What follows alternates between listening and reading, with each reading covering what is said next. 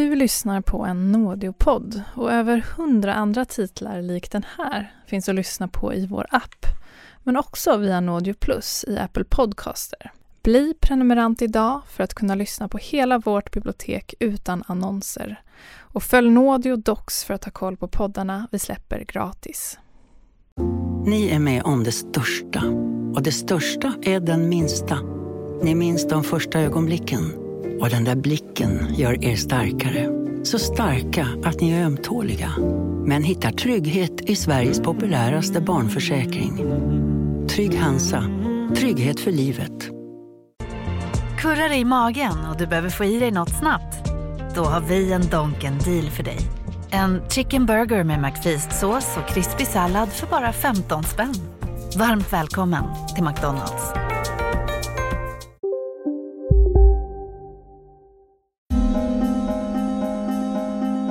Här är Stölden av kungens klocka. Jag heter Marcus Morey Haldin. Yeah, basically, it was a nightmare at the time.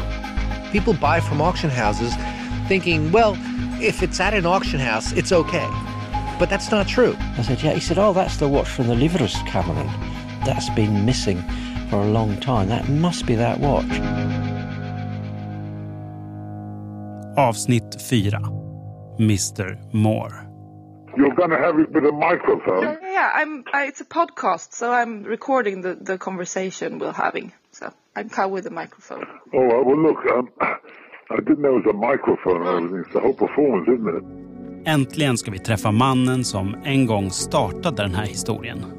Den brittiska antikhandlaren vi kallar Mr Moore som ringde till Livrustkammaren i slutet av 90-talet och försökte sälja tillbaka Karl XIIs klocka som försvann under stöldturnén på Svenska museer 30 år tidigare.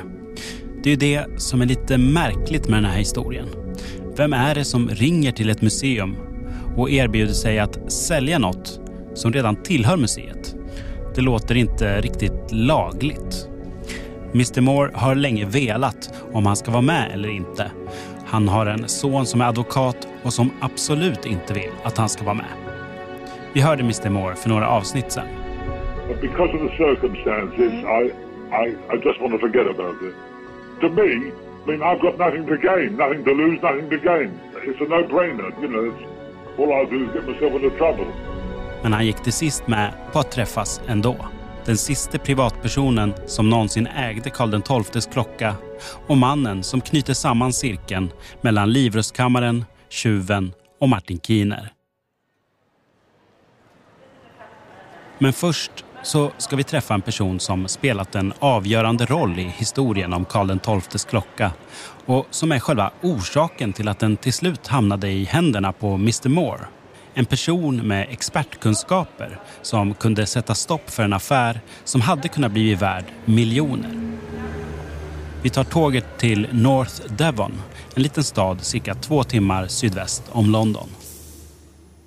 Well, I'm David Thompson, and I studied clock and watchmaking at Hackney Technical College back in the 1970s. David Thompson har varit chef över världens främsta klocksamling. Det vill säga den man hittar på The British Museum. And we always say that horology, this business of clocks and watches, is a disease, and you catch it, and there's no cure for it. uh, we have uh, in the house about 30 clocks. Um, but not a lot. I don't collect clocks. It's it's not something I do. I might have a passion for them, but I don't need to own them in that way. But but you do collect something. Well, we collect ceramics, we collect glass, but our major collection is, strangely, is bottle openers. We have about three and a half thousand bottle openers, and we're hop- hoping soon to open a museum in the basement, one of the rooms.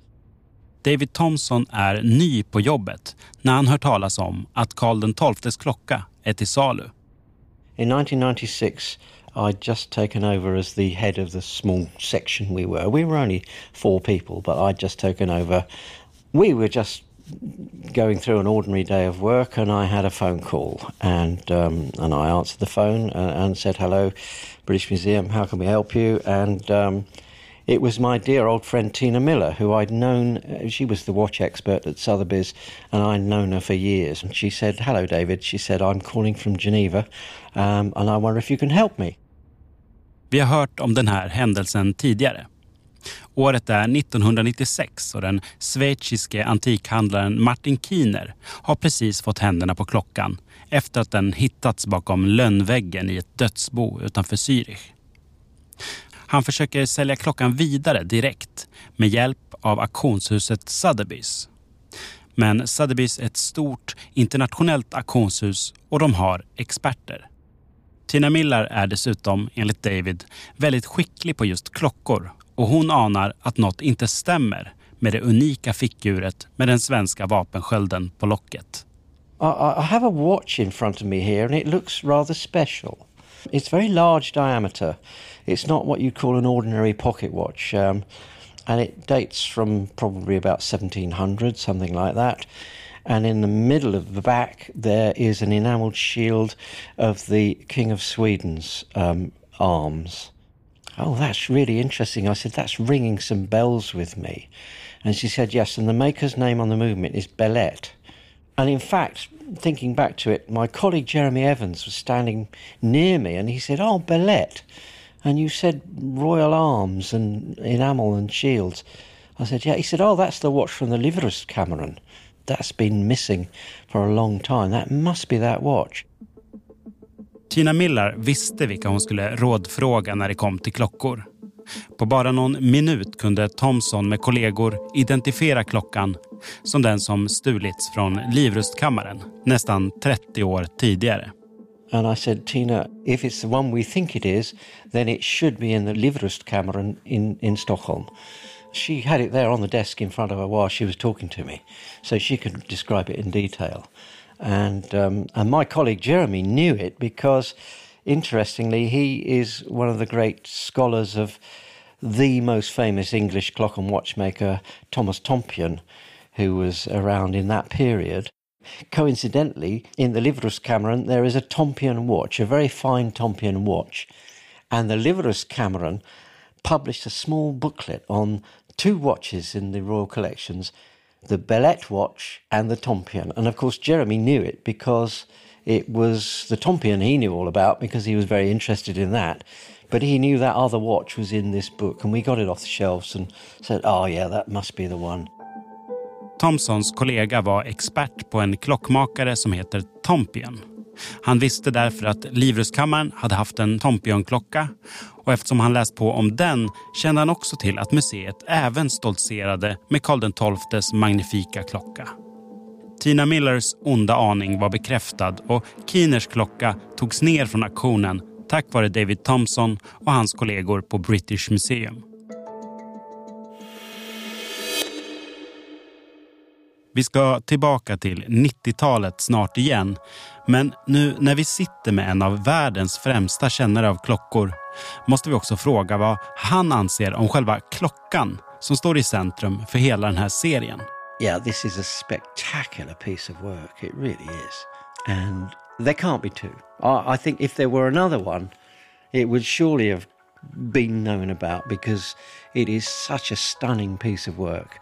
So this, I think, has to be a unique piece. And the king, for whatever reason, would have commissioned this and said, I want this to represent, it sort of represents his power, doesn't it?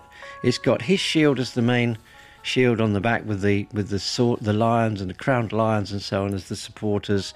And it's saying, "This is me, and this is what I govern. All these provinces here. This demonstrates not only my wealth, because that's the other thing. This is saying I'm a very rich man, but it's also a political message. I'm a powerful monarch, and this is my kingdom. And you can see just how much I actually command." Budskapet är tydligt. Jag är en mäktig konung. En exklusiv klocka var då, precis som nu, en kraftfull statussymbol bland de rika och mäktiga. It is a remarkable piece of work. And um, that case was done by one of the top people. Om någon som levt sitt liv mitt i ett ständigt flöde av och samtal om antika klockor blir så här exalterad av vår klocka, ja, då råder ingen tvekan om att den är något alldeles speciellt. Again, this is a special commission because this inscription around the balance cock is not something you find on any watch. That has to have been made specially for this watch. Charles XII, live, flourish and triumph. yeah, wonderful. Karl XII, må han leva, blomstra och triumfera. Vi har hört det förut, den siliga inskriptionen i det glimrande guldet. Men dags att slita ögonen från klockan och gå tillbaka till Martin Kiner. Han som försöker sälja klockan till Sotheby's. Efter att Sotheby's-försöket har misslyckats så vänder han sig till Antikorium specialister på att sälja dyrbara klockor. De blir så imponerade av Karl XIIs klocka att man satsar stort på att lyfta fram den i den tunga auktionskatalogen på 500 sidor. Den är en av sju klockor på omslaget och om man bläddrar så hittar man ett fem sidor långt avsnitt om klockan där Karolinekungen Karl XIIs största framgångar beskrivs i en fördjupad text intill en målning av kungen själv. and we opened it up, and there, with sort of five pages, was this Bellet watch for sale. Utropspriset är 200 till 300 000 schweizerfranc. Det motsvarade ungefär 1 till 1,5 miljoner kronor i dåtidens svenska penningvärde. Martin Kiner hade även efter kommission kunnat tjäna en rejäl slant på affären med tanke på att han köpt klockan för mindre än 40 000 kronor. Men även andra gången som Keener försöker sälja klockan så tar det stopp. Och även där är David Thompson inblandad. And we thought, well, that can't be right. They must know that it's stolen. One of us, I can't remember who, but one of us contacted Antiquorum and said, you do realise this is, you know, the one from the Livruskammer. Thinking back to it, that it was actually John Leopold, who was the retired senior curator then, uh, who phoned Niels Dreholt because he knew Neil. He knew Niels. He'd been to visit him in the Livres Cameron, so he knew him personally. And I think we said, John, it might be an idea. Can you call Neil Strehol in Stockholm and tell him that the the, the watch has turned up in, in in Geneva? Alltså, David Thompson såg och kände igen klockan i Antikoriums katalog. Hans kollega ringde Nils Dreiholt på Livrustkammaren och Nils ringde till Antikorium som tog ner klockan från försäljning. Och som vi har hört, till sist inser Martin Kiner att det blir svårt att sälja den unika klockan via stora offentliga auktioner. Dreiholt och Livrustkammaren vill inte köpa tillbaka den. Och det är då som den brittiska antikhandlaren Mr Moore kliver in i Martin Kiners charmiga butik i Zürich och köper klockan på stående fot. Och nu, en sådär 25 år senare, ska vi få träffa honom. Du lyssnar på en Nådio-dokumentär och så här låter några av våra andra titlar som finns att lyssna på som prenumerant. Via vår app eller Apple Podcaster. En vacker försommardag 1960 hittas tre ungdomar döda vid en vykortsvacker sjö i södra Finland. Det här är historien om plastikkirurgen Karl-Åke Troilius uppgång och fall. Ormen Friske flydde bombningen vid Helgoland. En bit ut eh, på en strand så hittar han en kropp. Bli prenumerant så kan du lyssna i timmar helt utan reklam. Nu på Storytel. Försvarsadvokaten Lydia Levander får chansen att lösa sitt största fall genom att försvara en misstänkt mördare. Hur långt är hon och kollegorna på advokatbyrån Pegasus beredda att gå? Fallet Mikaela en ny deckare från succéförfattaren Anna Bågstam. Lyssna nu på Storytel. Hej, Susanne Axel här. När du gör som jag och listar dig på en av Krys vårdcentraler får du en fast läkarkontakt som kan din sjukdomshistoria. Du får träffa erfarna specialister, tillgång till lättakuten och så kan du chatta med vårdpersonalen. Så gör ditt viktigaste val idag, lista dig hos Kry.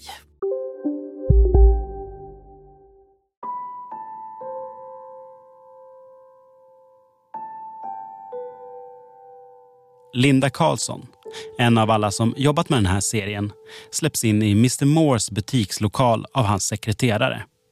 Här finns ingen av den ombonade skärmen som fanns i Mr Keeners butik. Montrarna längs med långsidorna är tomma. Själv är Mr Moore ute och rastar sina hundar och hon får sätta sig själv i ett litet slitet träbord som är placerat mitt i rummet. Och så kommer han. Han har på sig en grå tunn och lite nopprig tröja. En formlös krage från en ljusrosa pikétröja skymtar fram. Han är en liten man med stark röst. Och två labradoodles. En av dem lägger sitt mjuka huvud i Lindas knä. I samma stund blir hon bjuden på vatten i en silverbägare från 1500-talet. Men precis när intervjun ska dra igång så kommer sekreteraren tillbaka bärandes på en trådlös telefon. Sorry, Hello? Det är Mr Moores son som har ringt. Advokaten. Han är arg. Yes. Och han vill prata med Linda. Som utan att berätta det har sin bandspelare påslagen under hela besöket. Hello, Linda Karlsson. Hi. No, I didn't. We had uh, decided to meet at this time. Sonen vill inte att vi ska prata med Mr Moore och han säger du dök upp helt oväntat. Men Linda och Mr Moore har ju bestämt träff. I don't want to be difficult, but because my son's a lawyer, and he, Yeah. he, he, he knows journalists, and he's told me all about it. Not not you, in general. Yeah. And then you know you tell them one thing they do another. I mean, I, I don't. My name is. If I got my name mentioned, I would sue whoever you working for. Okay, but the thing You is, better tell them that. I, I mean that. I would do that. De hotar med att stämma oss på produktionsbolaget som gör den här serien. Och de upprepar ständigt att sonen, advokaten, minsann anlitats i rättsfall rörande det brittiska kungahuset. Så det är därför vi har förvrängt Mr Moores röst och därför vi inte använder hans riktiga namn. Men trots allt så fortsätter samtalet mellan Linda och Mr Moore och plötsligt så är stämningen förändrad. Och hon tar fram bilder på Karl XIIs klocka. here. And this is. This is a pamphlet made by Nils Dreiholt. I mean, this is my watch. Um, yeah, basically, it was a nightmare at the time. That's why my son's annoyed. I know. Yeah. I've just remembered one or two things. Yeah. Det som hände då var en mardröm och det är därför sonen är irriterad, säger han. Men han minns saker och Mr Moore vill prata. Det är tydligt. Det visar sig att han haft kontakt med Martin Keener och vet att han är med i dokumentären. Han verkar inte ha något emot Linda. Men sonens hot om juridiska konsekvenser gör att vi aldrig får hela historien och hans eget perspektiv på hur och varför Mr Moore försökte sälja klockan till Livrustkammaren. Vi kommer alltså inte längre med Mr Moore. Men Karl XIIs klocka är ju bara ett av många stulna konstföremål som ursprungliga ägare på olika sätt försöker få hem. Och för att försöka förstå vilken roll polis, museer och antikhandlare har i den här världen av svart, vit och grå konsthandel så ska vi prata med en av världens främsta experter på ämnet. Hello. Linda. Yes. Chris. Nice to meet you. Nice to meet you. På ett Italian Garden Café i norra delen av Hyde Park träffar vi advokat Chris Marinello. Han är jurist med inriktning på handel med stulen konst och antikviteter och han har grundat ett företag som hjälper klienter att få tillbaka värdefulla föremål. My name is Chris Marinello. I am the CEO of Art Recovery International. And what does that mean to someone who does not know what you do?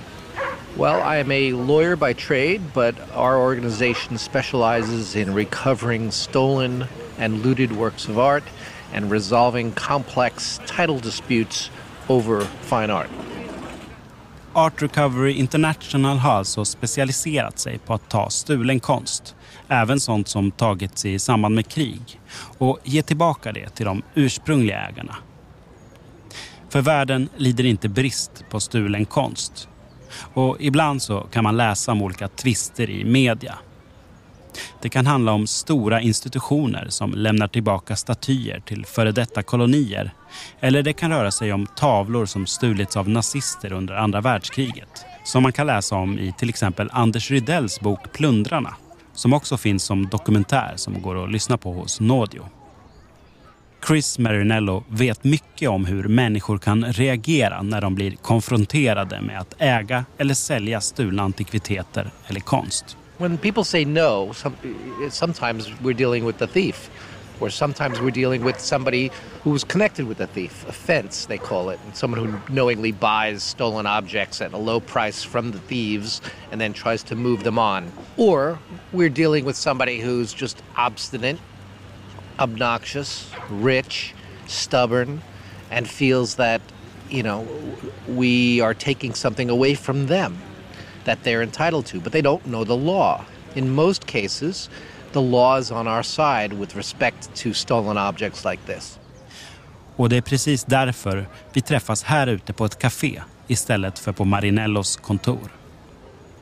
Since we've been handling a lot of art fraud cases, we have found that uh, we've made a lot of people unhappy. Uh, some have gone to prison. Uh, some have uh, uh, monetary judgments against them. Some are facing court dates.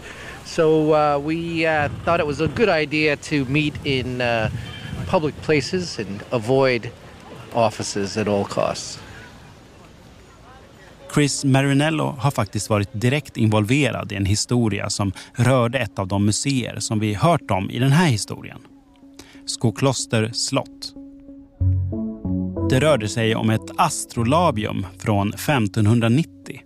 Det vill säga en nästan 400 år gammal stjärndator som kom tillbaka till samlingarna efter att ha stulits och hamnat i Italien.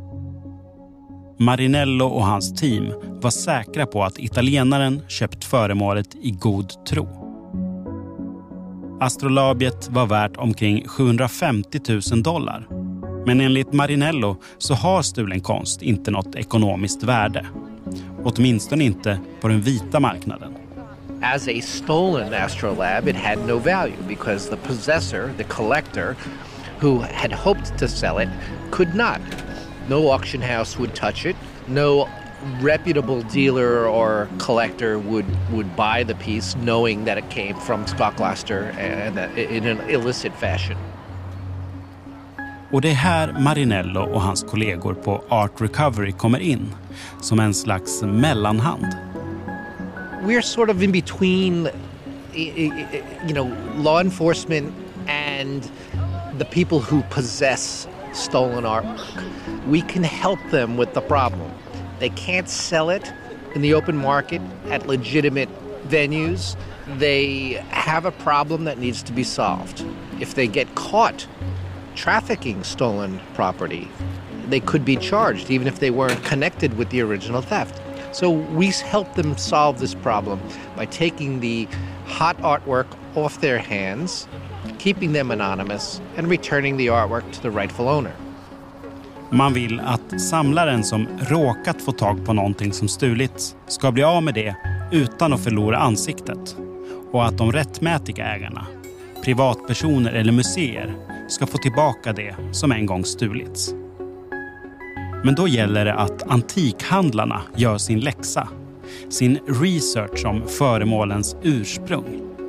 Vi kommer in på historien om Karl XIIs klocka och hur den schweiziska Kiner köpt klockan på auktion, fått veta från Sotheby's att den var stulen och sen gått tillbaka till auktionshuset för att få veta mer om vad som faktiskt hänt. Chris Marinello applåderar Mr Keeners jakt på fakta i den situationen. Well, this is a fantastic thing that this person is doing. It, it, they're they may be under no obligation to do that. I mean, people buy from auction houses thinking, well, if it's at an auction house, it's okay. But that's not true. You know, years ago, people would say, "Oh, I bought it at Sotheby's or Christie's. You know, I, it, it, it's it, it's got to be clean." Well, you know, they make a lot of mistakes. These art historians that are working for these auction houses, they're they're doing hundreds of thousands of objects, you know, in every sale. So, eh, you know, it's not surprising that they miss things. Vi ber också Chris Marinello förklara vad han tror är anledningen till att Martin Keener kan prata med oss om sina affärer medan Mr Moore vill vara anonym. En förklaring kan vara att de är baserade i olika länder med olika lagstiftningar. Dealing with the law is difficult because there are some countries that are civil law countries and others that are common law based countries. UK and the US are common law based countries. Stronger protections for the original victim. Whereas in civil law countries like Italy and France and Germany, you can acquire legal title to something that has been stolen if you've bought it at auction not knowing that it was stolen. So that means that the person here in London who bought the watch from Switzerland is not in the same position as the guy in Switzerland. Yeah, I mean, we fully expect people to do the right thing. You know, it, it, when they're in possession of something that's stolen, we expect them to return it. Och det spelar ingen roll hur du fick tag på ett föremål. Om du försöker sälja tillbaks det till ett museum så kan det ses som utpressning. Och kanske är det det som Mr Moores son är orolig för. You know, that's why we ask people to come to us because a lot of these people are just plain stupid the way they go about doing it. They, they are, are extorting the museum. You may have legally acquired it in good faith under the law of a particular jurisdiction, but then if you call the museum back and say, I'm not going to give it back to you unless you pay me a certain amount of money, you could be accused uh, uh, of, of, of extorting that museum. Men intervjun med Chris Marinello ger oss en nyckel till Mr Moores starka oro och varför han till sist bestämt sig för att inte vara med i programmet. Enligt en ny internationell lag så är preskriptionstiden för antikvitetsbrott av den här typen 30 år. Och det har ju faktiskt inte gått 30 år sedan Mr Moore försökte sälja klockan. Och enligt Marinello så kan det alltså vara samma sak som utpressning att ringa Livrustkammaren och kräva pengar för deras egen klocka. Men vi får anta att allt beror på exakt hur det gick till. I nästa avsnitt ska vi gå tillbaka till början och titta närmare på samtalet till Barbro Bursell. För till skillnad från när Livrustkammaren tackade nej till Kiner så var det här samtalet inte slutet på en historia utan början på en kamp för att få tillbaka klockan en gång för alla. Han hade en byrå som var också väldigt eh, aggressiv och hotfull. Och han blev väldigt upprörd över det, kommer jag ihåg. Och det är klart, då var klockan på sätt och vis värdelös för honom. Du har lyssnat på Stölden av kungens klocka, en produktion för Nådio av Monopol Media. Vi som gjort avsnittet är Linda Karlsson, Emiliano Strauss och jag, Marcus Morey Haldin. Mixen gjordes av Kristoffer Krook.